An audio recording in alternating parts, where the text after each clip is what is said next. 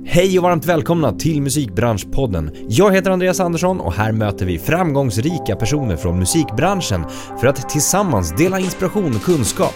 Podden produceras av DMG Education, musikbranschens digitala kunskapsarena med kurser, utbildningar och coachning för dig som vill utveckla din karriär. Idag träffar jag fantastiska Linnea Henriksson, artist, låtskrivare, podcast-host, programledare, bloggare och mycket mer. Allt detta är något som vi kommer prata mer om, men även arbetet kring att vara artist. Till exempel allt arbete som tillkommer i att äga sin egen musik, jobba med team runt omkring sig, ha koll på sin ekonomi, royaltyutbetalningar med mera. Vi pratar självklart även om musikskapandet. Är det roligast att skriva refräng, vers eller stick enligt Linnea? Lyssna vidare för ett riktigt härligt avsnitt. Linnea Henriksson, varmt välkommen till Musikbranschpodden. Tack snälla. Hur mår du bra? Hur mår du bra? Vad säger jag för Men jag, någonting? Mår hur du bra? jag mår bra? Jag, eh, jag mår bra i kropp och själ. Vad skönt. Nej men jag mår jättebra tack. Vad kul. Mm. Ehm, jättekul att ha dig här.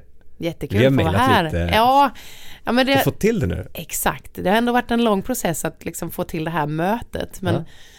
Det är ju liksom klassiken känns det som. Man går in i olika perioder och jag har liksom under den senaste tiden börjat perioda eh, med liksom att hänga rätt mycket i min sommarstuga. Aha. Nu blev det ju så också av pandemin Ja. att det blev liksom, vi råkade hamna där när alla reserestriktioner sattes och liksom det var först i typ maj vi kom upp med en bil med liksom dubbdäck och var så här skämdes ögonen och öronen ur oss att det inte var bytt. Men Men det låter ju som en jättebra periodningsgrej liksom. ja, Hänga i sommarstugan. jo men det, det vart ju jättebra också så här att försöka göra någonting av den perioden som vi insåg att det här kan inte vi styra över. Mm. Både jag och min sambo är ju frilansande musiker. Eh, man får sitta lugnt i båten och då hamnar vi på en plats där vi kan vara väldigt kreativa. Mm. Men det var märkligt att liksom, vi hade inte alls planerat för det. Nej. Så det var också jag, eh, ja, liksom hittade en tramporgel på en loppis och flörtade till med transporten av den mot lite soffor som vi bytte ifrån sommarstugan. Och då skrev vi en låt som vi släppte där i, i juni som heter Det kom en tid. Det var också så här, ja oh, just det, shit ska vi släppa en låt, ja då måste man ju ha pressbilder. Oj, eh, hittade på Instagram att det fanns en fotograf som också var liksom fast i, i, en, i en stuga i närheten som inte egentligen skulle vara där heller. Så här, hittade lite kläder i garderoben, alltså det var väldigt sådär, vi får ta vad man har Ja. grej, men det är också fantastiskt på något sätt att få landa i det igen, att det spontana och det som finns, det är Mm. det som är, är guldet. Mm. Det låter ju superhärligt måste jag säga när du beskriver det på något sätt. Ja. Det låter väldigt äh, tilltalande. Ja, men det blev, det blev en fin tid. Jag tror det är otroligt, det har varit otroligt mycket tyngd och väldigt många människor har behövt hantera väldigt, eh, väldigt mycket Mm. eh, i det här ett och ett halvt åren. För mig personligen och min familj så klarade vi oss väldigt bra Mm. och fick värdesätta andra saker än kanske karriär, Mm. vilket jag också är väldigt tacksam över att man fick den möjligheten. Mm. Så det blev en liten så break på något sätt just eftersom du liksom har ju gjort många olika saker som vi kommer in på Ja, eh, och också såklart din musik eh, ut och spela har inte varit aktuellt överhuvudtaget senaste året nej men eller exakt. senaste ett och ett halvt, det är snart två år Eh, Ja, exakt. Det känns ju som två år när man är musiker för att Ja, det var två somrar som inte giggades på. Nej, Jag hade nog ändå varit lite i min pausperiod ja, ändå tror jag eftersom Ja. att jag just hade, hade precis då gjort, eh, ja men så här, testat någonting nytt och varit programledare mm. i Mello och då det var också liksom medvetet så här, detta får liksom avsluta en längre period av att jag har varit igång. Mm. Med, med väldigt mycket att nu behöver jag liksom eh, ladda om och se vad som finns i mig rent musikaliskt och se till att få ut det. Mm. vilket är ganska coolt för nu har du ju släppt Exakt. ny musik Ja, Superkul ju ja Men har, jättekul. är det liksom, har det, har det skett, har, speglar de här två, liksom den tiden, pausen, musiken också? Det som har kommit ut så att säga. Ja men just den låten som jag precis släppt, det är då en låt som heter En dålig idé. Den skrev jag faktiskt hösten 2019.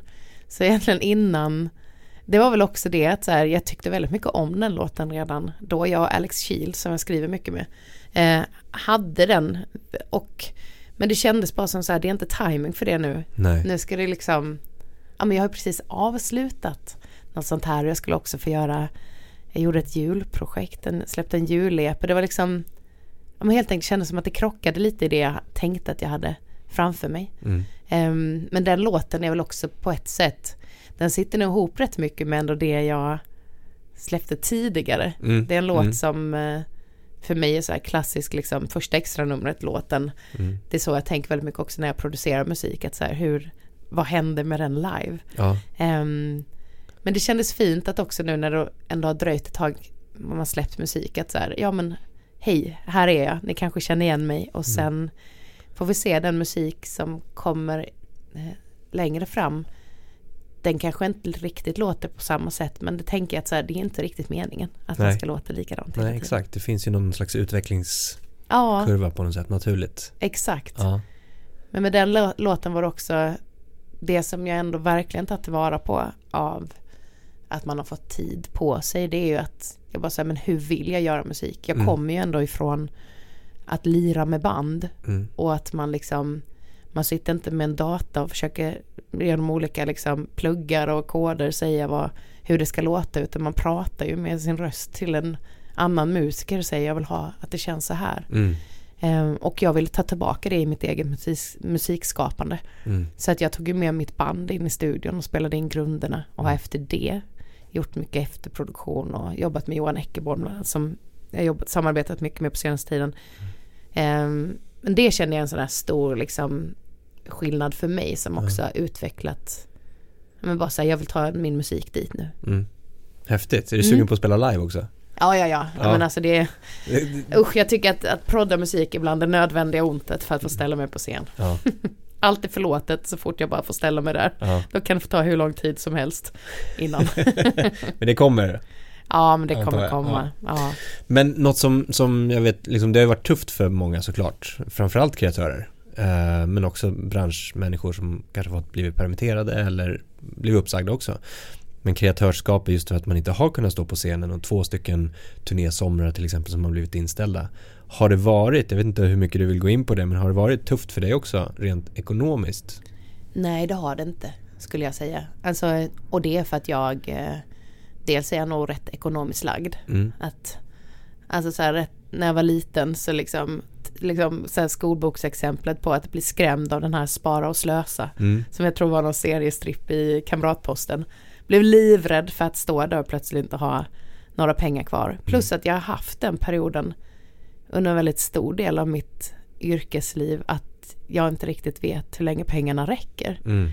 Och jobbat med väldigt många olika saker för att få det att funka. Och det som ska funka då det är att jag får jobba med min passion. Men jag har ju liksom, jag har ju betalat att få jobba med min musik under många år Mm. genom andra jobb. Eh, så när jag väl fick börja göra det här på heltid och känna att så här, shit det funkar. Och jag har till och med råd med ost. Och jag har, alltså att man kan ändå, jag tror att jag alltid har varit liksom, jag är rätt mån om att inte vara så dyr i drift. Mm.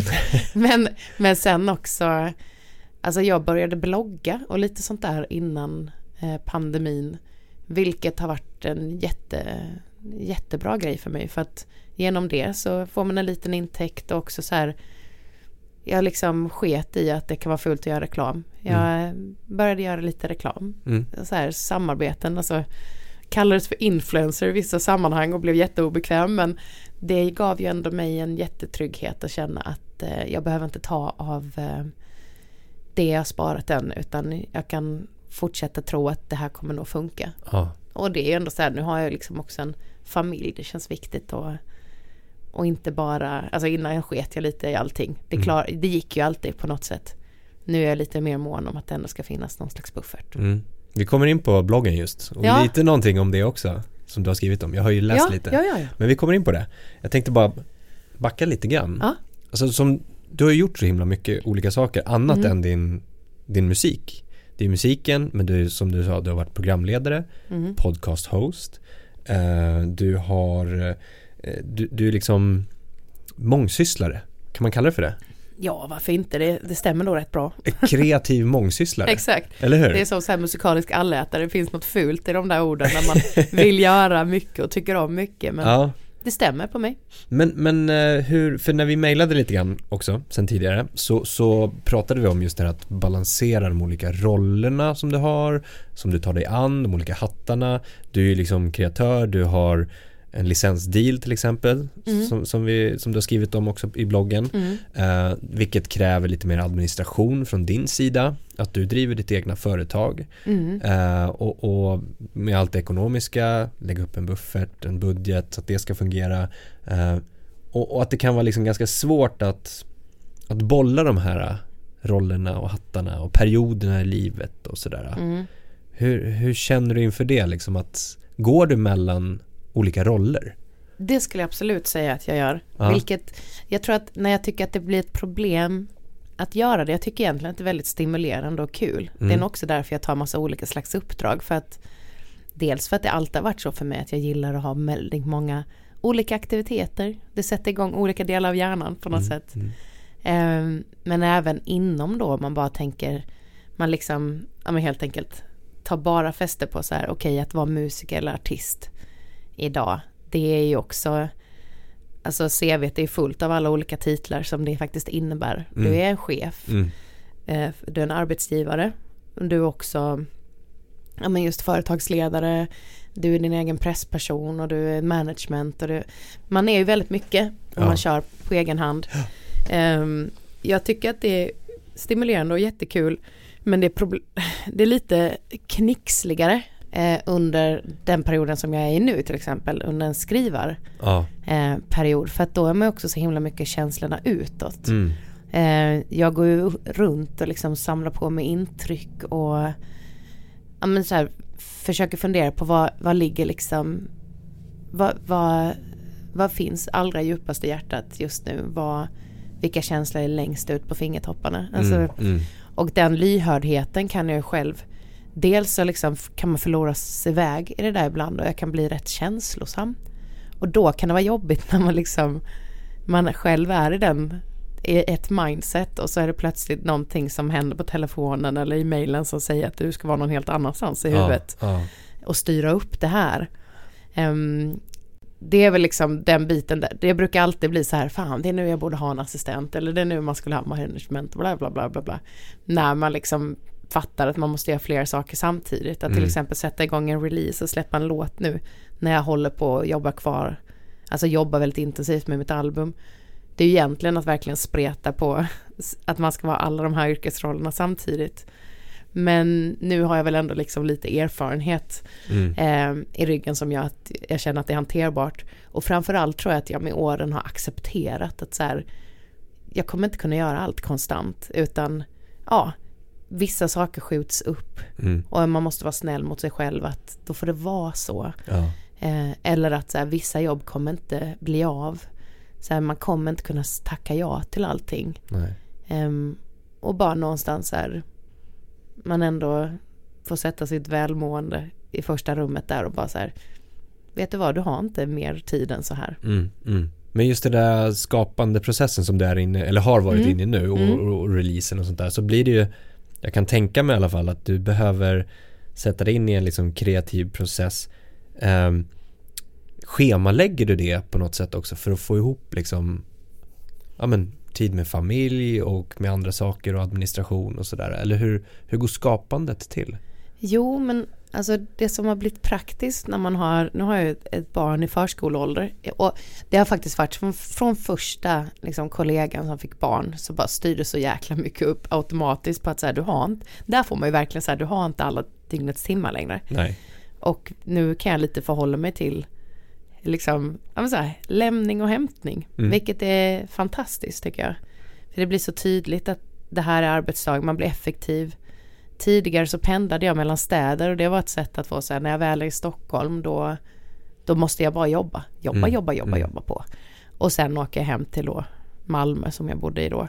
Eh, nu har det varit lite så med Stommarstugan också att jag försöker liksom boka in att, det, att de olika platserna betyder olika saker Mm.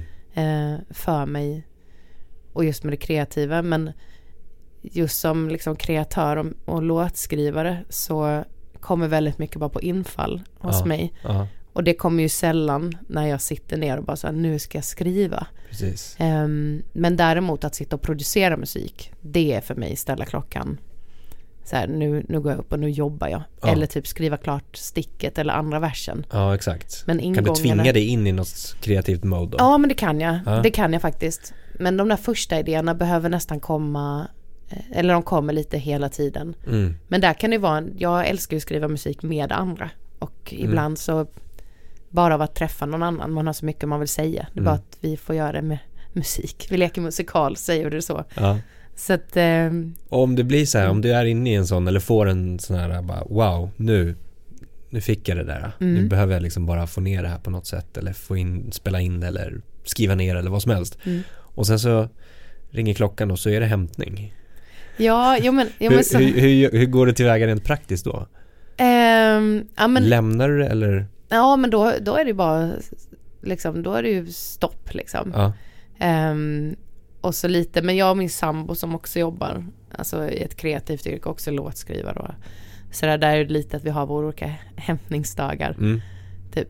När jag, nu är det så här rätt mycket jobb hemifrån, det kan jag alltid tycka är lite svårt. För då finns det så mycket annat som också pockar på uppmärksamhet. Men håller på, vi ska liksom bygga en studio nu. Mm.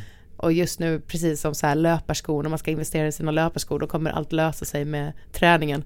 Just nu blickar jag lite mot den där studion, att de kommer allt lösa sig med, med liksom att verkligen kunna jobba intensivt och effektivt. Ja.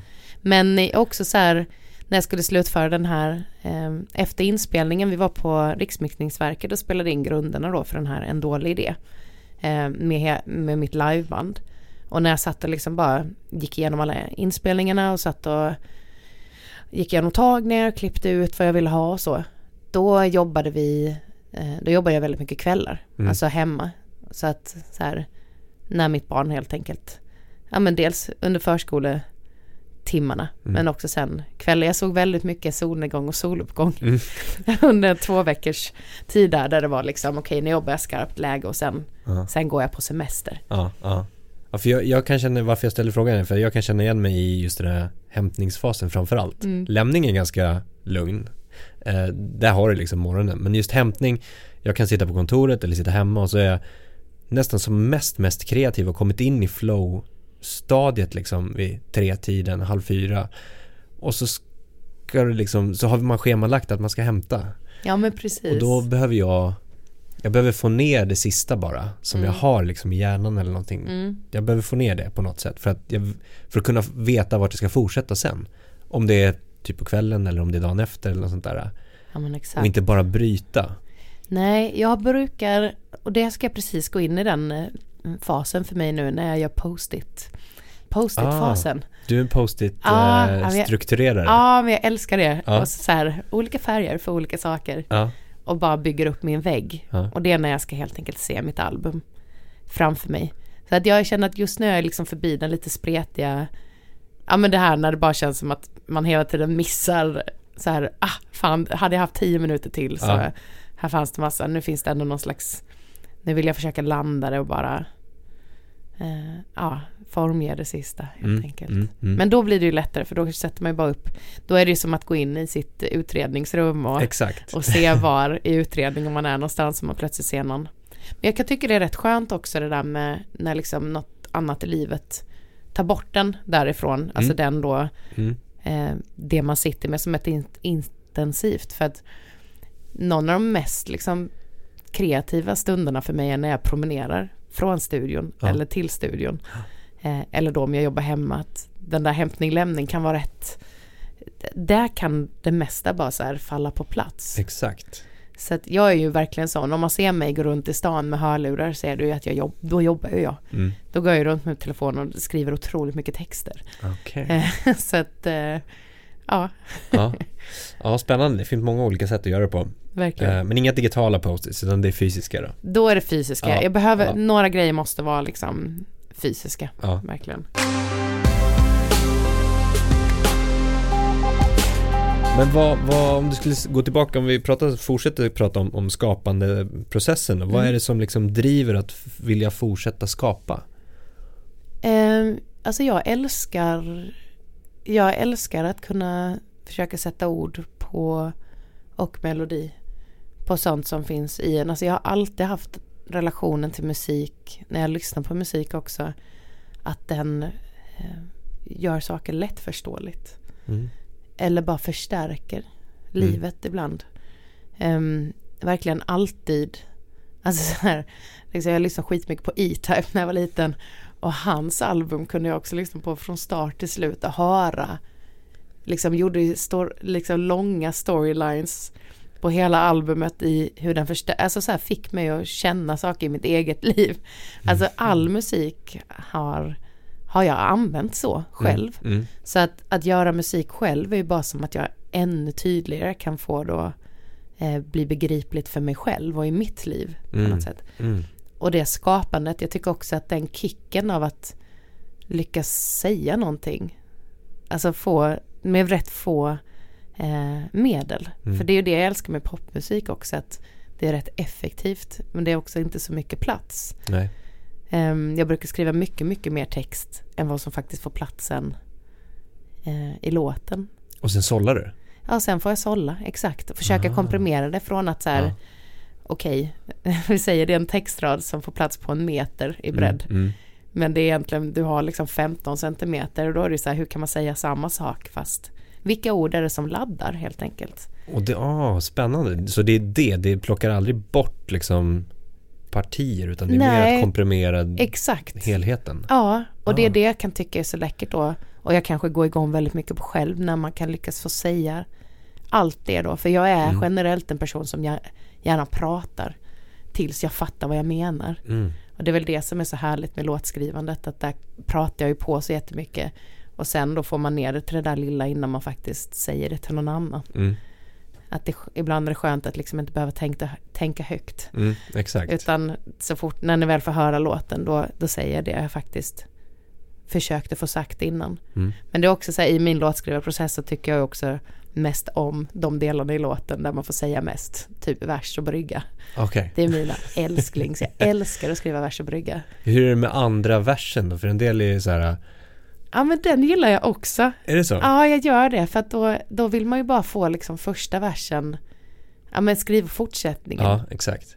Men en del kan ju fastna på den verkligen liksom att så här, man skriver en, ah, pang första vers och så en refräng och sen så har du refrängen sen senare och så ska du försöka fylla en liksom Absolut. Vers ja, men två. den, den tycker jag om. Jag Ja. tycker det kan vara jobbigare med att så här, vilka, vilka få grejer ska, vad är poängen med det här? Ja, Livets ständiga fråga. Vad är poängen med detta? Och det ska in i en refräng. Och där tappar jag intresset mycket snabbare för jag tycker så här, äh, får inte sagt något.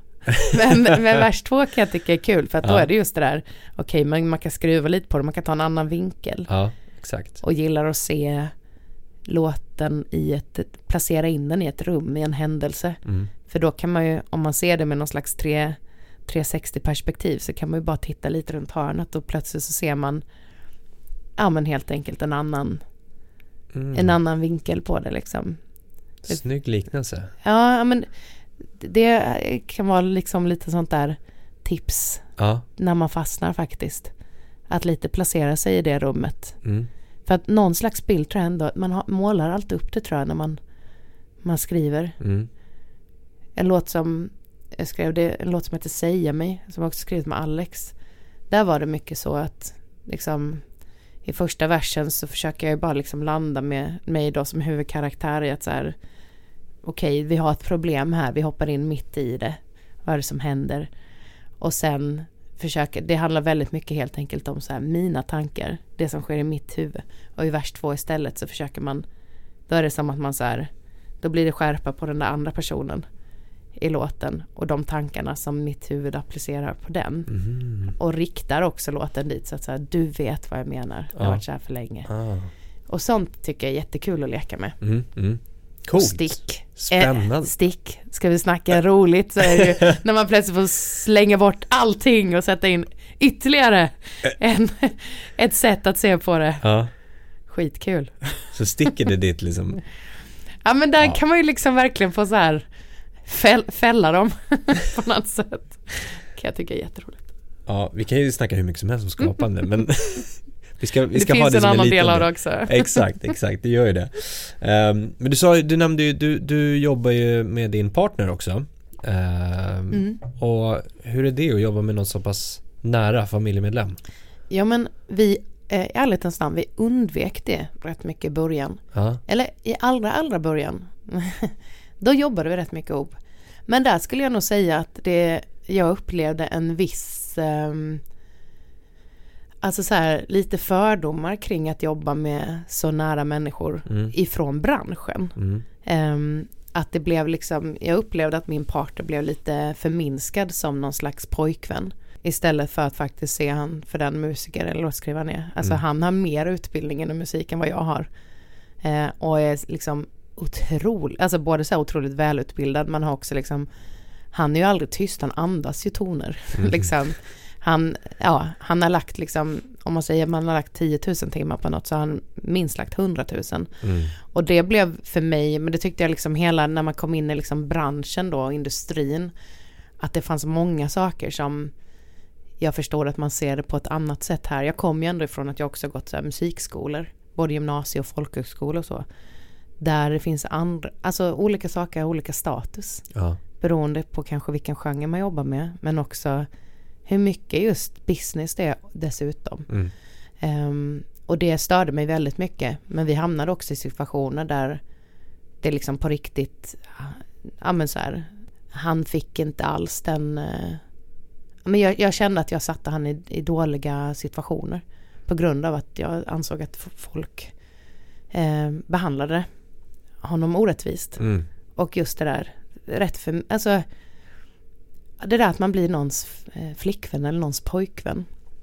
Eh, och då eh, slutade vi jobba tillsammans ehm, en period och sen så var det väl framförallt av att jag liksom inte hade någon trummis i mitt band.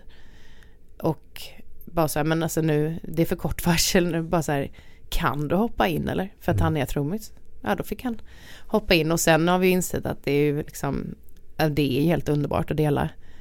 Där är det ju livebiten, det är det bästa vi båda vet. Mm. Och det är också ibland inte helt enkelt att liksom höras när man är på turné. För Mm. det är svårt att hitta de där äh, lugna luckorna när man kan ge varandra tid om man är på avstånd. Så att det var också bara så här fint att få dela de där Mm. mäktiga ehm, ja, men, turnerandet. Mm. Mm. Liksom, och så resten av bandet är också bara bästa polare. Mm. att, men också i skapande biten har vi också tagit tillbaka det nu att vi skriver musik tillsammans, igen. Tillsammans, ja. Ah, okej. Och, sådär. och det tycker jag är, det är jättekul. Ja. Men det är också så här, alltså, jag tror att i början av min karriär så behövde jag nog också liksom hantera lite mer dåtid. Och då är det också så här, sitta och skriva med sin flickvän om hennes ex kanske inte är liksom superkul. Så att det är kanske lättare för oss att jobba även i den kreativa eh, delen kanske liksom det kommer väldigt mycket mer naturligt nu. Jag vill ju gärna ja. skriva utifrån vad jag är och Ja. vi har delat vårt liv i 12 år nu så att Ja. det, det faller sig kanske mer naturligt igen. Mm. ja, men häftigt. Jag tänker att vi ska gå in på din blogg som vi pratade om. Mm. Som också är ganska så personlig. Ja, Eh, som du sa, du började skriva den för några år sedan. ja precis. Ehm, och, och den är ju väldigt liksom så här ett fönster till din, till din verklighet på något sätt. Ja, Det känns inte alls någonting påklistrat och liksom bransch och, och fläd och utan liksom så här jag vad, är- vad menar du renoverar lite grann, exakt. målar och Ja. sen skapar och sen lite PR och lite alltså det, jag vill det är gärna att väldigt- det ska kännas på riktigt. Ja. Alltså det, det vill jag ju att allt som har med mig att göra gör. Ja, Alltså också för att säga, jag försökte där någon gång vid andra albumet att leka lite så här artist och oh det ska vara lite mystiskt, det ska vara lite onåbart och jag bara, alltså jag kan inte leverera den grejen känner jag. nej. Och jag blir så uttråkad av den. Jag tycker det är mycket roligare när det bara är krasst, så här är det. Ja, Och sen så finns det väl absolut, ibland blir jag så här, men gud, nu har jag verkligen förstört mystiken. Med att man ju så här drar in folk i ens kaos. Men det är också så här, det är så det är. ja. Det, alltså att vara artist idag. Mm. Men tror att, Ehm. alltså jag tror ju Det är som du säger, visst Ibland kan man behöva en mystik på något sätt som artist i fråga Men Idag så känns det som att du behöver bjuda in så pass mycket Alltså fans och följare Till vem du är För att kunna relatera till Kanske ännu mer till dina texter, till din musik Ja. känna liksom en gemenskap på något sätt. Ja, men jag gillar ju den biten med sociala medier och där känns det som att min blogg då på L gör ju ännu mer att jag kan så uttrycka längre. Mm. Alltså jag kan, ja men där kan jag ju bara få skriva av mig ju. Ja, Det som då man inte kan göra en caption på Instagram eller i en poplåt. ja, Så kan jag förklara allt Ja. på bloggen för den som helt enkelt har intresse av att läsa det men också väldigt mycket för min egen skull. Ehm, och det som ändå, jag har liksom tänkt rätt länge att så här, det hade varit kul att blogga just för att jag gillar ju det skrivna ordet. Mm. Jag tycker det är kul att just även där försöka hitta eh, ja, men hit, hitta en, ett slags här början och slut och att det ska finnas någon poäng med texten. Alltså, mm, mm. och sådär. Eh, Och försöker blanda upp lite med vad jag just väljer att skriva om. Men ehm, det tycker jag också, det är en sån bra grej tycker jag att idag är det så mycket mer tillåtande att vara lite krass och Ja. så här är det faktiskt. Exakt. att man måste ha den här tystnaden och sen kommer man med superflashiga pressbilder och så Mm. är man tillbaka. Att folk ändå någonstans förstår att så här, det bara pågår ju. Mm. Ja, men jag, jag gillar det. Jag, jag, tyck, Ja, jag tyckte det var kul att läsa liksom sådär. Ja men Ehm. sen det jag gillar också med just blogg, eller det ska, det som ska bli spännande tycker jag, för mig själv, ren egogrej, men det är att se ifall jag kan hitta mina låtar i efterhand Ja, i min blogg. Ehm, för jag försöker ibland bara skriva av mig om saker som händer eller så här, jag känner och jag går ju runt och skriver musik Mm. hela tiden också. Och som den här låten En dålig idé, jag kan ju liksom hitta den i mitt bloggarkiv när jag skriver av mig och andra grejer. men då kan du hitta, då har du liksom skrivit den och sen kan du hitta vart den liksom föddes på något sätt. Ja men eller? precis. Ja. Och det finns också en sån, nu vågade jag aldrig lägga ut det blogginlägget inser jag. Men det finns en låt som jag skrivit som heter Brevet som handlar om att jag bara så här, jag på, vi håller på att rensa hemma och målar, av, som jag har skrivit om. Och hittade ett brev som jag skrev till ett ex där jag bara bad om ursäkt för hur jag avslutade det. Mm. Ehm, men, och då skrev jag också en låt om det sen i, i samband med det. Men det slog mig nu att jag har inte vågat lägga ut blogginlägget för att det, det var nog, det blev nog lite känsligt. Men du har skrivit blogginlägget? Exakt, Aha, så det kanske får komma ut sen då. Mm, mm. För där finns väl lite förklaringen till varför låten finns. Det är också kanske skönt, det, jag, när jag släppte mitt förra album 2017 som jag döpte efter mig själv för att det blev så här, ja, här är jag just nu. Ehm, då slängde jag ut det nästan så fort det var ut, alltså färdigskrivet för att jag ville inte hamna i någon slags sån här efterkonstruktions Mm, Ja, den här låten mm. handlar om och så har man hittat på något i efterhand som Mm. låter lite snyggare. Ehm, så att det är väl också ett sätt att, även om jag inte vågar publicera allt än, eh, så skriver jag, försöker jag skriva av mig om varför jag skriver mina låtar. För att faktiskt också vara ärlig mot mig själv, varför de skrivs och inte komma på det i efterhand. Mm. Det här känns ju som ett litet mervärde för fans också. På Ja. något sätt. Att liksom kunna få möjlighet att gå tillbaka och uppleva det tillsammans med dig i Mm. textformat till exempel då. Jo men, och det känns ju lite fint. Jag känner ju att Verkligen. jag, jag känner mig rätt nära Ja, många av mina lyssnare. Och liksom det är, på många sätt tycker jag bara att det går rätt hand i hand med hur den relation jag har med mina lyssnare. Om man tänker på gig och sådär också. mm. Liksom högst eh, filterlös i Mm. mina mellansnack. Ehm, och det är väl lite att så här, jag tycker det blir roligare då. Ja helt klart. Jag vill gå in på en specifik, eller något jag fastnade för var ju Mm. att du beskriver både vardagen för liksom dig men också din artistiska karriär. Mm. Och, och du skrev till exempel när du berättade om ditt licensavtal. Mm. Alltså vad det betyder. Vad Ja. är ett licensavtal till exempel? Där du beskrev liksom att du vill ha koll på ekonomin och varför du har valt det och att det Mm. passar dig och att du är väldigt nöjd med det. Eh, och hela den biten. Ja, Är det, om vi går in på det, vi var inne på ekonomi ja lite, lite förut. Och också liksom att det har funnits, det är inte bara du som har tyckt utan jag har pratat med ganska många om att det har funnits ganska dålig transparens ja, hos alltså, bolag i fråga när det gäller ekonomi och, och budgetar och sådana saker. Ja men det, alltså ibland blir jag så här Jag förstår liksom inte varför, varför det skulle vara så himla krångligt. Men jag har verkligen under många års tid tycker att så här Gud vad svårt det verkar vara med ekonomi i skivbranschen För att ingen verkar kunna ta fram de där siffrorna Nej. när man pratar om dem Och där tror jag också, alltså lite för att återknyta till det vi pratade om innan när man är de här när man som artist är låtskrivare också och är i sina låtskrivarperioder så kan det ibland vara eh, att jag upplevt att det nästan blir som en svaghet att man har känslorna utåt, att man folk tassar lite omkring en fast man är så här, fast nu måste ni behandla mig som om jag vore en manager som sitter här inne. Mm. Jag kan prata om mig själv eh, utan att bli ta det personligt. Alltså så här, nu sitter vi och pratar om Linnea Henriksson-projektet. Mm. Respektera det. Och tro inte att jag sitter här som någon som inte vet vad vi snackar om. Mm. För att det har jag verkligen känt av att så här, det känns som att det just tassar, som, som om inte artisterna är mottagliga för det. Mm. Men otroligt stor procent av alla som jobbar inom musik och är kreatörer själva sköter ju sin egen business. Och då för att liksom koppla på det här med, med mitt licensavtal till exempel så var det ju det, tidigare hade jag artistavtal, kom av Idol och det har varit fantastiskt för mig också. Jag kände att alltså så här, det, jag blev satsad på och fick en jättebra ingång med också det skivbolag som jag ligger på genom den, eh, alltså i början för mig. Men just det, jag har alltid stört mig på att det känns som att det är svårt med ekonomin. Mm. Om man jämför då skivbranschens sida mot till exempel livebranschens.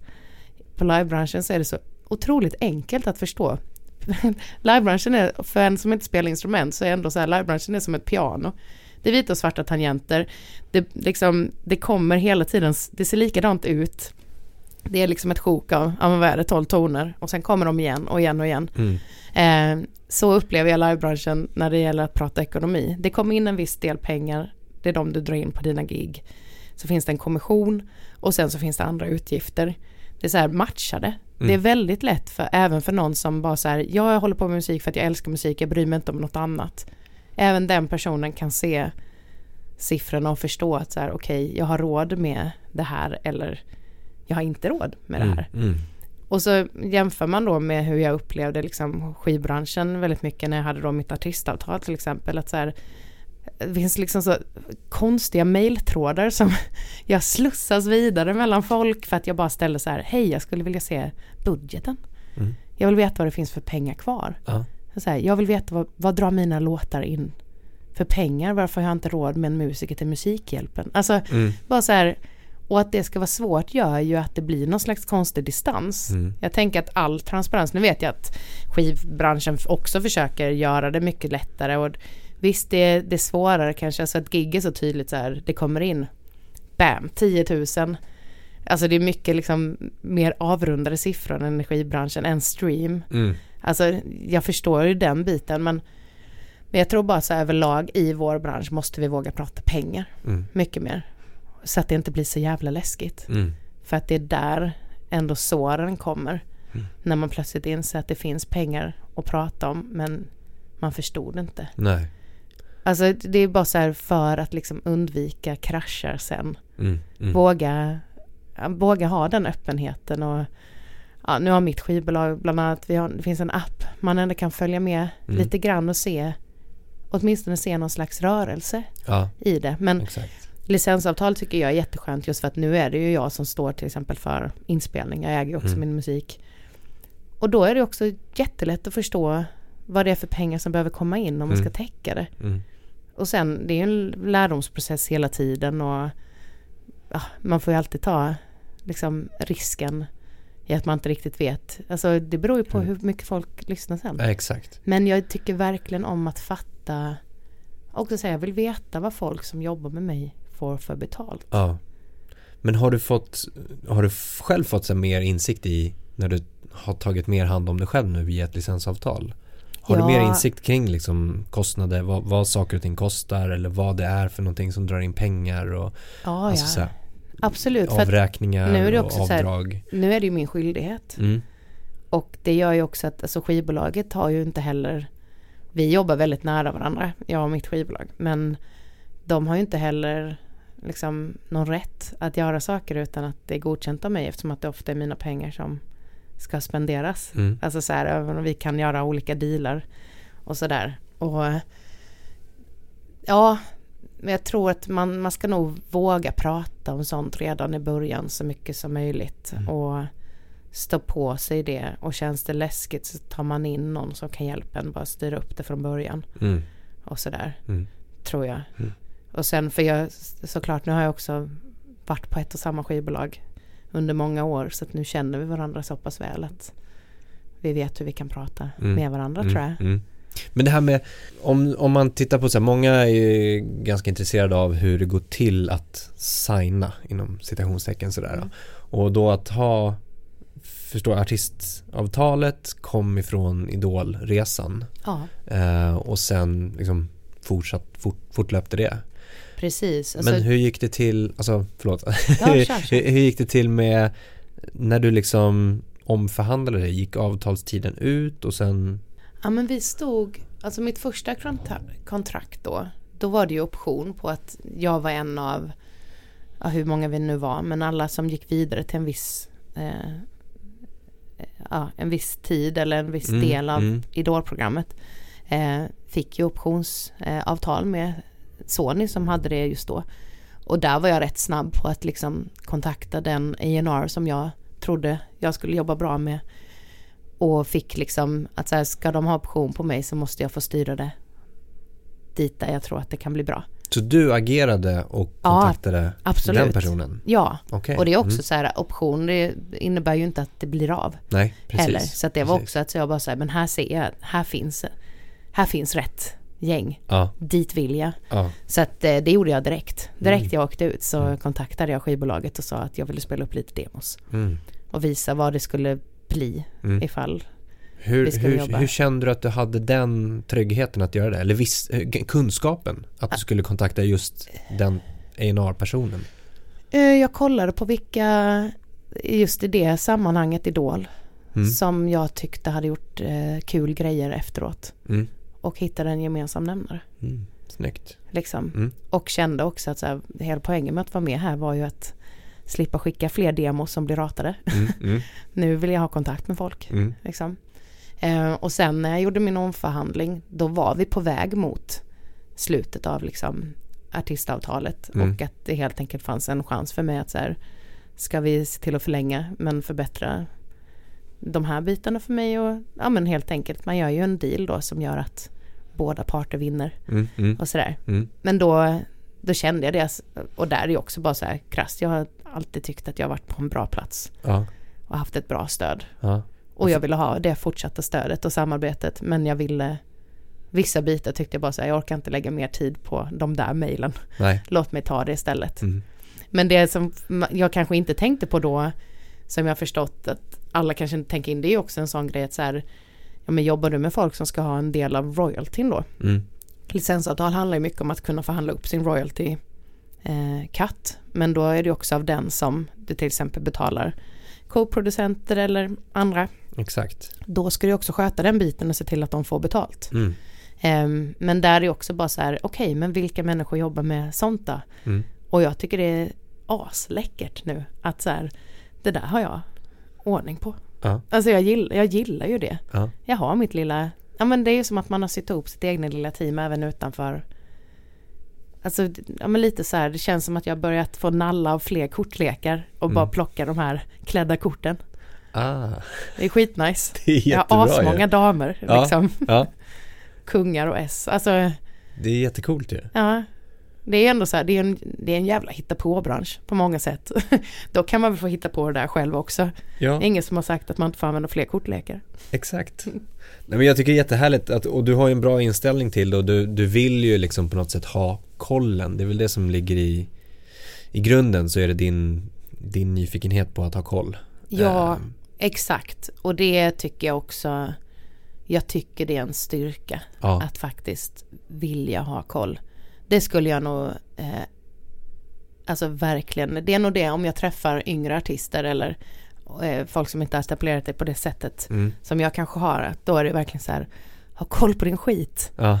Alltså och absolut, vissa samtal kan vara tuffa att ta själv. Alltså, då, alltså det är inte det att så här, bara för att du har koll så behöver du inte göra allt, men se alltid till att den som då i så fall representerar dig, om det så är en agent eller en manager eller någon polare som kan hjälpa dig, vet hur den representerar dig. Exakt. Hur pratar den? Mm.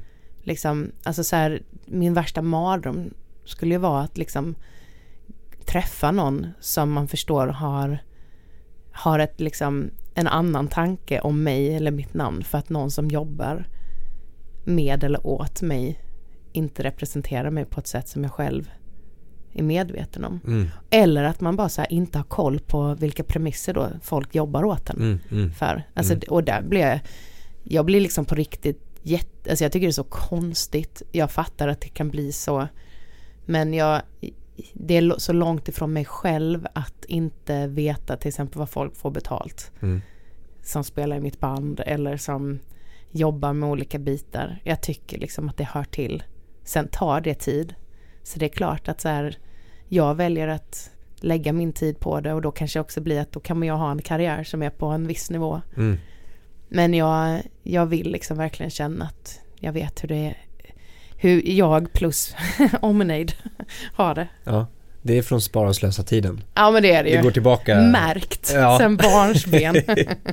Men det märks ju att du är nöjd och du skriver det också ändå med liksom vart du är just nu. ja. Eh, rent liksom businessmässigt om man ser liksom alla, alla, alla platserna eller alla Mm. delarna i det. För du, du, du har, jag refererar till podden igen, podden, till Eh, bloggen, bloggen, igen då. Eh, så har du skrivit eh, citat. Fan, om jag någonsin måste byta bana så ska jag skriva in det i CVt. Kommer klassas som högkvalificerad för vilket projektledarjobb som helst. Exakt. Ja, Det är superskönt. det. Och det är precis det du har beskrivit. Ja. Alltså att du har, du har koll på alla delar. Du är ju en projektledare. Ja. Alltså rakt igenom. För ditt egna, din egna karriär.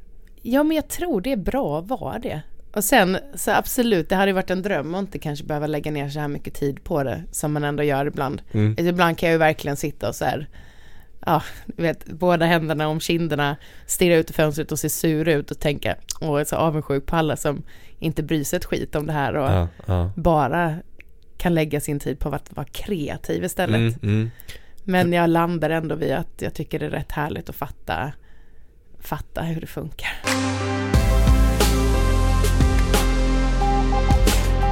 En vanlig fråga hos kreatörer och artister kan ju vara så här, när ska jag skaffa en manager? Det är liksom en av de första Mm, frågorna som man ställer sig. mm.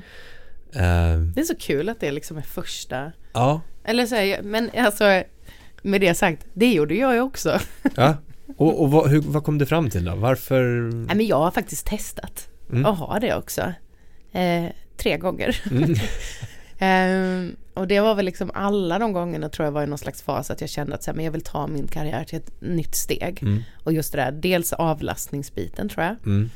Och också bara så här lite att jag kände att det fanns en begränsning i hur mycket då andra i branschen eh, ville liksom, eh, ja men tänkte att man var kapabel att göra businessmässigt typ. Ja, ja. Att bara så här, det är bra att det kommer in någon bull, bulldog, bulldozer som så här bara tar över ett rum och skäller ut alla och sen gör folk vad de ska typ. Men eh, att för mig funkar det väl inte.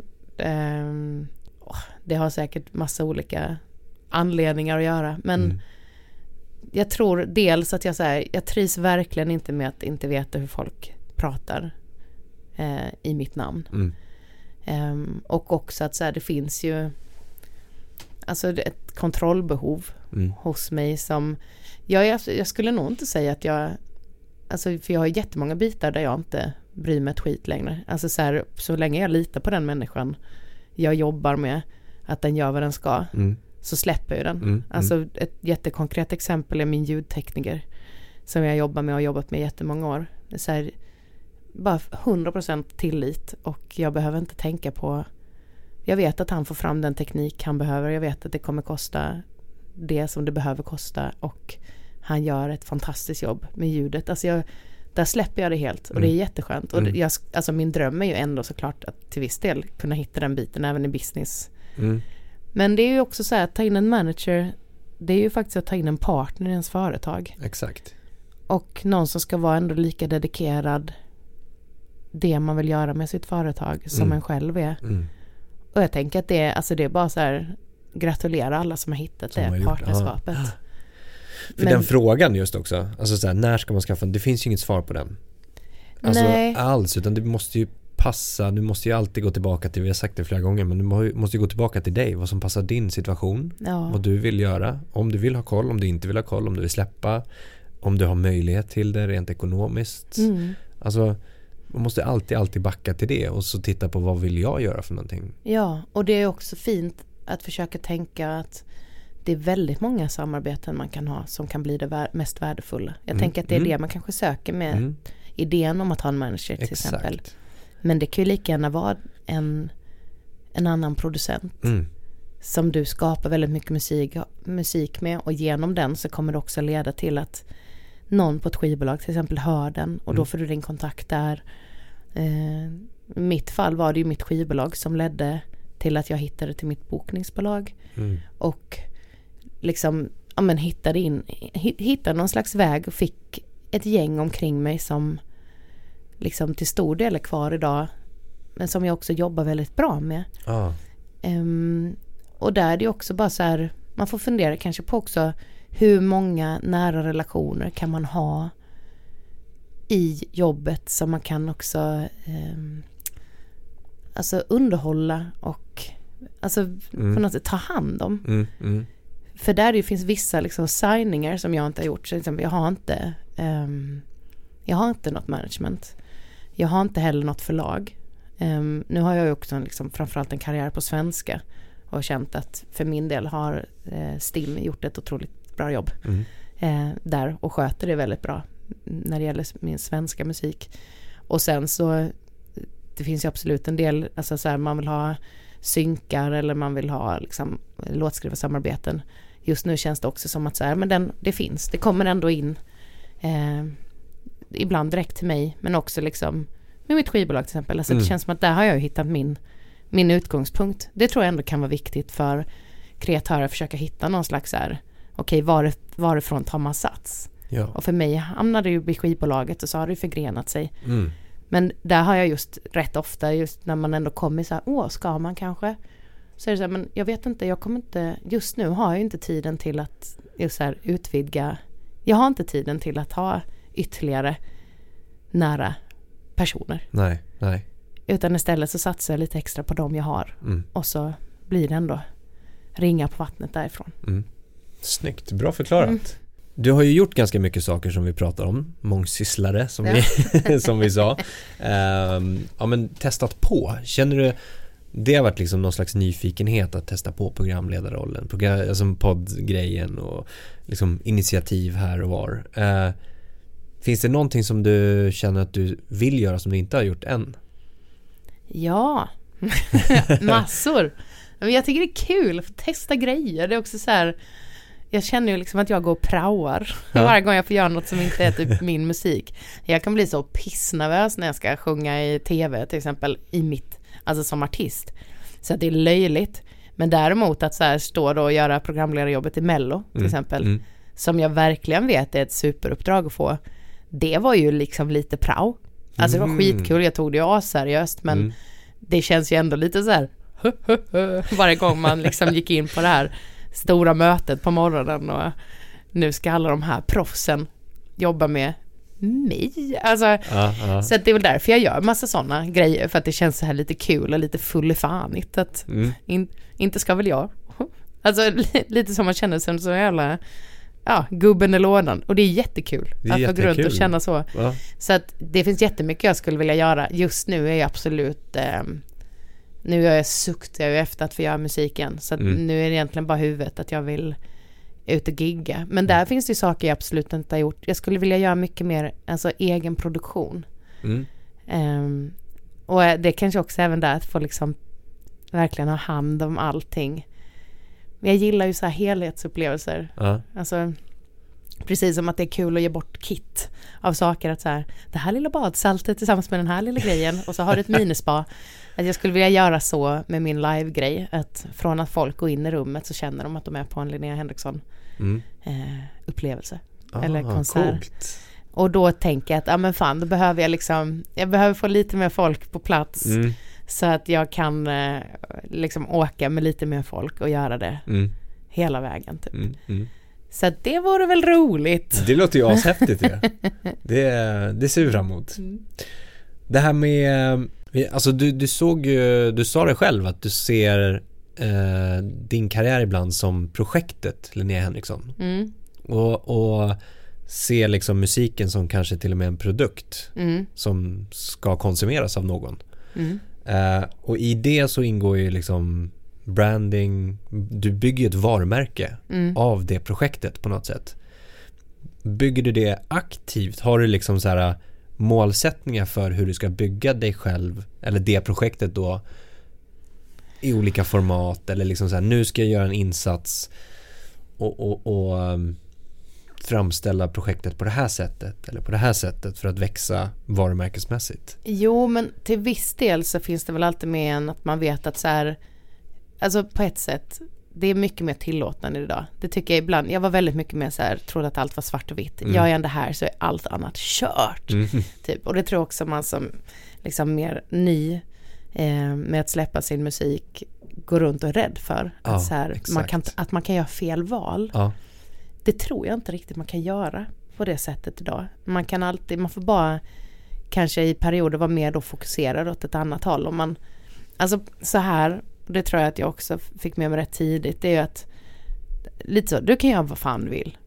Men man ska ha någon slags med vetskap om att gör du det här, plupp, släpper man en liten plutt där borta till höger.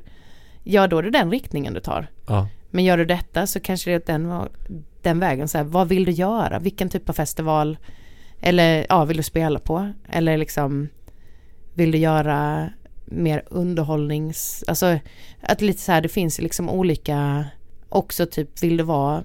Ska det bli mycket mer under... Alltså kändis? mm, mm, Alltså det finns ju så fort man har börjat släppa sin musik kan man ju få erbjudanden att göra saker som man så här, ja det låter ju skitkul men det tar ju verkligen mig bort till den där vägen där borta. exakt. Och det funkar väl skitbra men så här, om jag inte vill det då är det dumt kanske att göra det. Mm, Det finns ju rätt mycket program som jag tänker att så här, där ska jag nog inte in och, och göra något nu utan jag tror alltid att jag har haft någon slags så här, jag vill nog ändå att det ska handla om något som känns naturligt för mig. mm, Alltså då är det ju, har det med musik på något sätt att göra eller om man tänker poddar och sånt som jag har lett eller att jag har gjort mycket radio. mm, Det är fortfarande ett väldigt lys, det är ett lyssnande format mm, och att det handlar om att eh, prata med människor. mm, Och det tycker jag ändå att min musik också handlar om, bara att Mm. den är tonsatt. Så att jag har ändå känt att jag har gjort, för mig har det varit en rätt så här, ja, det, han- allt han handlar på ett sätt rätt mycket om samma grej. Sen kan jag tycka det är lite kul att utmana det där lite nu och tacka ja till kanske saker som länge har ansetts så här, nej det där är farligt, då hamnar du på fel spår. Vad skulle det kunna vara? Nej men jag har hoppat in i jävla frågesportsprogram nu i tv och, och leker och Ja. det är ju så här, det är ju jättekul. Det är Ja. klart att det har ju noll procent att göra med musik eller mitt artisteri. Men där var det bara så här, äh, det kanske inte är så himla Det är inte blodigt. så allvarligt på det sättet. Nej exakt, liksom. och att om någon ändå känner något till min musik Mm. så kanske inte det försvinner av att jag Nej, liksom inte har koll på var Tutankhamons mask finns just Nej, nu. nej. Alltså att så här, men det går ändå i de tankarna när du får erbjudanden att så här, är, vart, vilken väg tar det här mig? ja men och det, ja absolut. Ja, Det har jag ju. Och ibland kan jag nog tycka att jag är lite mm, skitnödig. Nej men att det blir lite väl mycket överanalyserande. Ja. Jag tror att, alltså generellt så tror jag så här, det är mycket mindre allvarligt än vad man föreställer sig själv. Alltså så just så här, mm. jag tror inte man kan göra fel val så mycket. Men Mm. däremot så om man har gått väldigt mycket åt ett håll och blev sugen att gå åt det andra så tror jag att man kanske under en period måste så här liksom tajta till mm, igen. Mm. Att, ja, men som nu, då har jag ju känt, det var ju därför till exempel Mello var så här en avslutande grej. När jag hade släppt väldigt mycket musik, för det kändes som så här, men här finns det verkligen plats för att göra något annat. mm, mm, Ehm, och nu är jag ju jättesugen på att göra väldigt mycket musikgrejer igen för att jag själv känner att det varit, och liksom, och det är väldigt mycket bara vad, vad mitt liv har handlat om. Nu har det ju handlat väldigt mycket om att bara få vara Linnea Henriksson, bor i en trea med min familj mm. och hänger i sommarstugan. Nu vill jag ju liksom själv bli, jag, jag längtar ju till mitt jobb Mm, och då kommer det bli också mycket mer musik Mm. igen för att det är det jag känner att jag dras till. mm, mm, Men jag tror att det kanske kan vara, alltså till viss del tänker jag att det, som sagt man kan göra vad man vill, men för att, precis som det här med pengarna, att man vill inte stå i efterhand och undra vad var det som hände. nej, Så kan man bara ha en liten tanke på, okej kan detta stör, alltså också så här, stör detta på något sätt? Blir folk förvirrade ja, av att jag gör de här grejerna nu? mm, Eller är det liksom, är det olika människor som kommer ta del av de olika sakerna eller är det samma folk? Kommer jag konkurrera med mig själv plötsligt? Mm, mm. Sånt där försöker jag väl tänka Mm. på. Vad skulle du säga till sådana som, för jag har pratat med en del som känner så att jag vill typ åt det hållet, alltså kreatörer. Mm. Men jag är öppen för det och det och det och om det skulle komma och det skulle komma. Alltså till exempel, jag skulle vilja gå independent-vägen och göra allt själv. Men jag är Mm. väldigt öppen för om ett majorbolag skulle höra av sig och knacka på och säga Vill du ha den här dealen? Ja men testa. Det är nog det jag säger generellt. Ja. Jo men våga testa saker. Alltså Mm. så här, absolut, det, det behöver inte bli 100% bra. Och ibland går man dessutom på nitar och att det är ont ett tag för att man känner att vad fan, det blev så fel. Mm. Liksom. Man kan förlora pengar, man kan förlora till, tillit. Men vi lever nu, är jag lite så här. Och jag tycker det är mycket bättre att ångra saker man hoppar på än saker som man inte vågade testa. Mm. Och det var ju också så här att jag sökte Idol och kom jag ifrån att jag höll på med jazz och rätt smal jazz. Inte alls så här meningen att tilltala den breda publiken eh, jazz. Och var ju liksom livrädd för att jag skulle bli, ehm, ja men just det där, en idolprodukt och Åh vad det fanns mycket tankar om eh, alla fel det skulle bli liksom, att man Mm. sålde sig själv och allt sådär.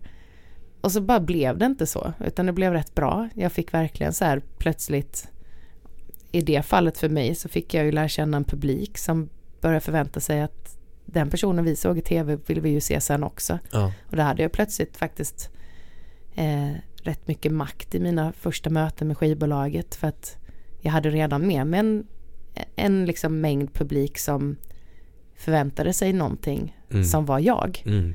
Så att då gick det ju inte att göra någonting annat av mig och tro att vi skulle få den publiken med oss. Alltså, Exakt. så att skulle vi dra nytta av det programmet gällde det att jag fick göra det jag trodde på. Mm. Och så kanske man ska försöka tänka snarare att så här, vad vinner jag av detta? Mm. Det finns ju alltid liksom fördelar och nackdelar med allting. Men det är också så här, har man gjort en sak ett tag och känner att så här, jag suktar lite efter att men som jag, jag längtar efter att få spela för en större publik. Mm. Och det är klart att liksom vilken signing den gör så kanske det är vissa grejer du säger, åh, jag hade önskat att det var lite mer så här, men dra bara, alltså utnyttja läget. Ja. Se till i varje deal du gör eller i varje situation du hamnar i, hitta det där du kan dra nytta av Mm. och gå 100% på det. För då betalar sig allting. Mm.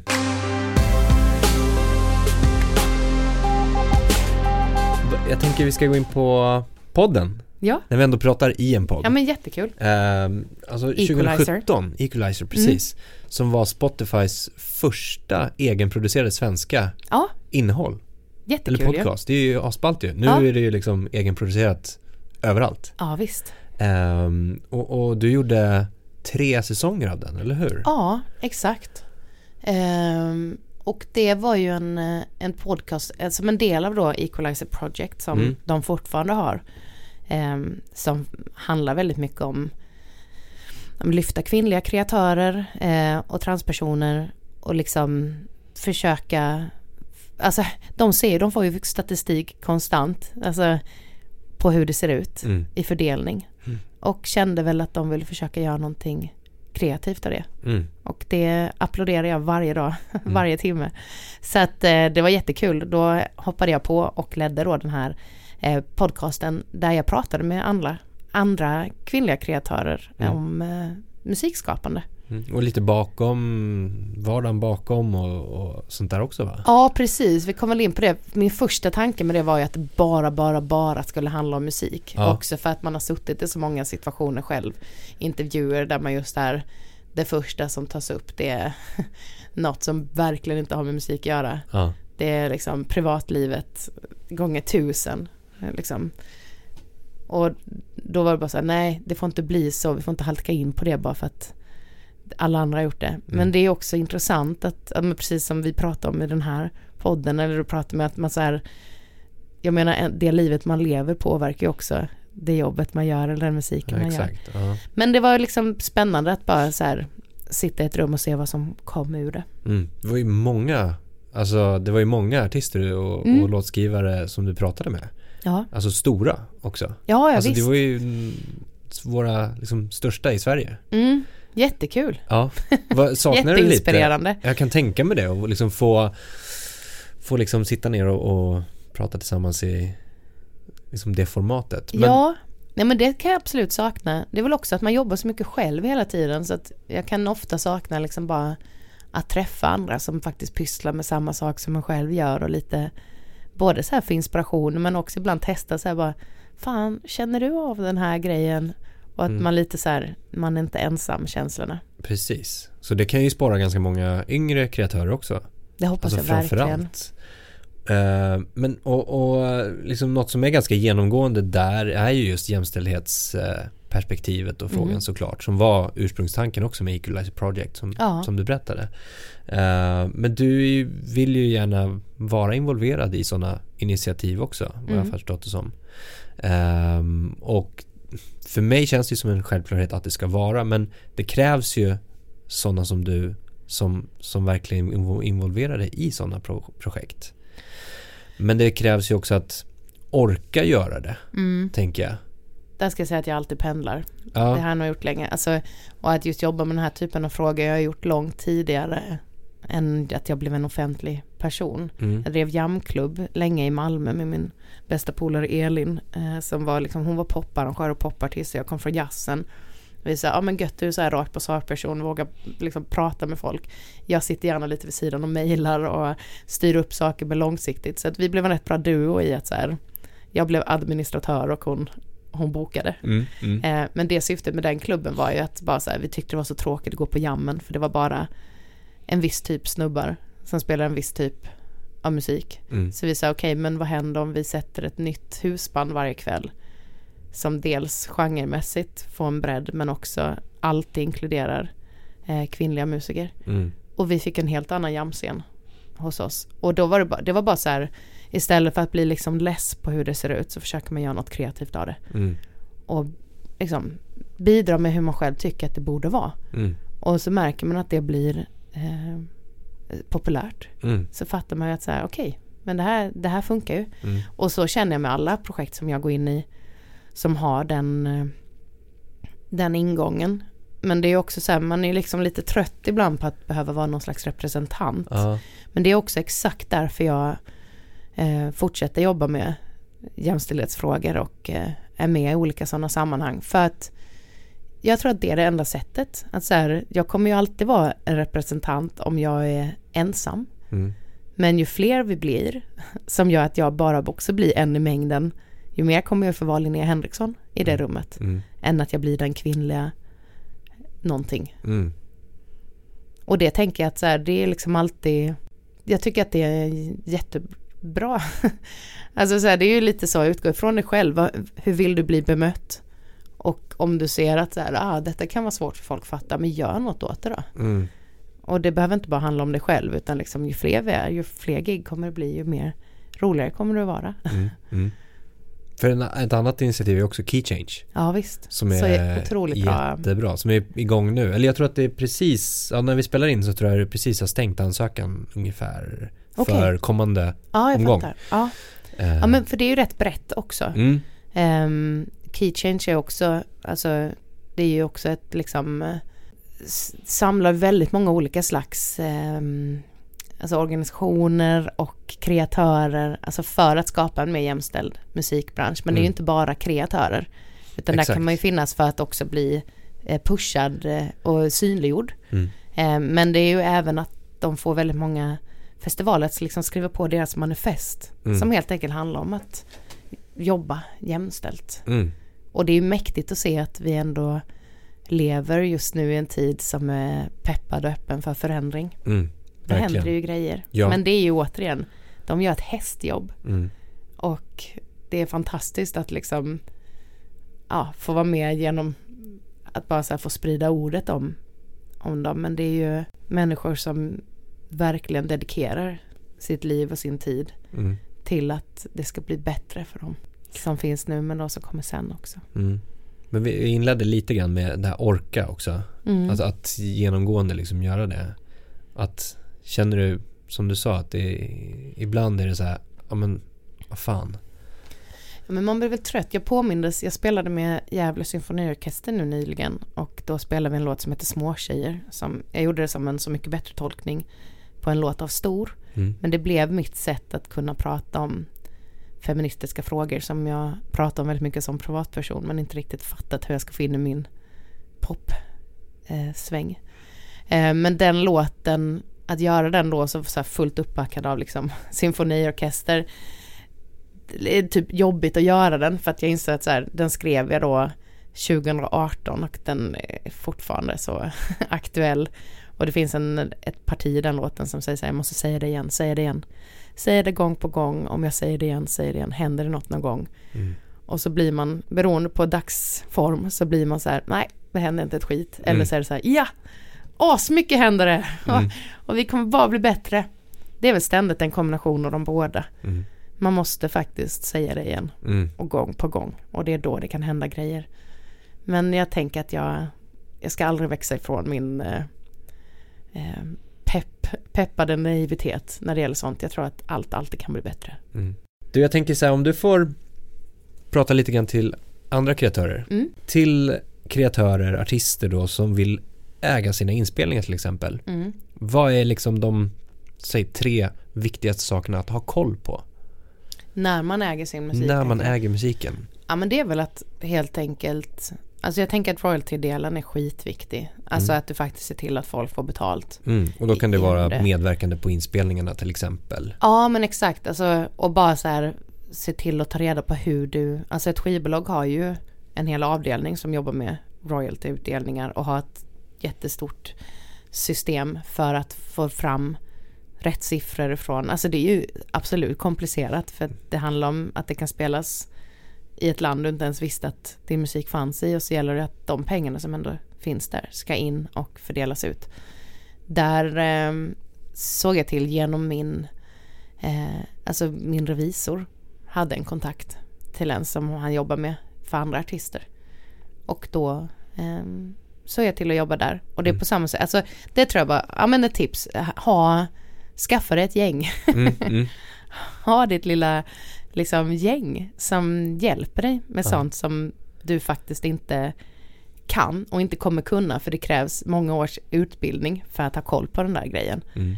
Eh, Jag har en jurist jag jobbar med väldigt nära som hjälper mig i alla avtal. Det är väl också så här en väldigt bra person att ha. Jag har en revisor och jag har nu också en royalty. eh, Jag undrar vilken titel han vill ha. Men han hjälper mig med all utbetalning ser till. Royalty-utbetalningar och sånt. Exakt, räknar ut allt det och sen Ja. ser jag till att skicka ut det till alla producenter då.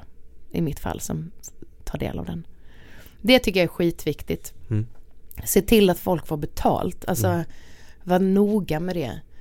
Och det är väl överlag så där tycker jag är ett tips. Man ska alltid, alltså vad det än är, alltså se till att folk får betalt. Mm. Skicka ut uppgifterna direkt och har du inte gjort det så be om ursäkt för det. Alltså folk ska ha betalt bara. Mm. Eh, och det är också, nu har inte det kanske med att äga sin musik att göra, men det är en sån grej jag gärna lyfter att så här, ställ dig inte i tacksamhetsskuld. Mm. För det är väldigt svårt att betala tillbaka. Alltså den här klassiken att typ du låter folk betala eller jobba gratis för dig Mm. för det som eventuellt kanske kan komma sen. Ta hellre risken. Betala även om det inte är mycket. Och liksom höj det till nästa gig. Än att man hamnar i någon slags situation där folk faktiskt förväntar sig att nu ska det hända grejer. Och så kanske det händer någonting i ditt liv som gör att du inte kan Mm. liksom ge tillbaka. Mm. Liksom, du tog med ett band på fyra pers men du kommer inte ha råd att ha med alla på det där gigget när det väl skulle varit utbetalningsdags liksom. Mm. Så bara försök hålla liksom Ja, försök vara rak och också så här våga prata pengar, var, var, var tydlig. Och Mm. också bara på samma spår så är det också så här varje gång man hör av sig om ett gig till exempel om det är så en fotograf eller en musiker eller vem det än är du jobbar med. Tala om eh, förutsättningarna direkt. Ja. ja. Jag tycker en av de sämsta frågorna, eller det finns två saker jag tycker riktigt, alltså så här, jag är så less på dem själv. Man ska aldrig, ingen annan ska få bestämma om det är värt för dig att ta ett gig eller inte. Utan det är du som bestämmer det. Alltså så här, ingen ska sälja in ett gig på att det är bra för dig. Mm. Det tycker jag är bland det lökigaste som finns. Det är faktiskt upp till dig. Som då i så fall inte skulle få betalt på något annat sätt än att det är bra för dig. Mm. Att ta det beslutet. Och 100% att man kan göra det. För ibland kan man känna att ja, det här är fan bra för mig. Mm. Men det får ingen annan bestämma. Och nummer två är att inte ställa frågan Kan du lira den? Du, du, du, utan att tala om vad det är för förutsättningar. För ingen ska behöva svara på om den vill lira med dig innan den faktiskt vet vad det innebär. Mm. Jag tycker bara att det är så här, var schysst och rak. Det tror jag man vinner på i längden. Mm. Snyggt. Bra tips, bra tankar, verkligen. Du, eh, en sista. Vem skulle du vilja höra i den här podden? Åh, ja, men jag tycker ju att det är spännande. Det känns ju som att det ofta just hamnar i att man vill in i liksom business. Alltså så här, jag som ändå då om jobbar med popmusik som ändå kan nå ut på radio och sådär. Skulle vara spännande att höra ehm, ja men till exempel inom jazzgenre. Mm.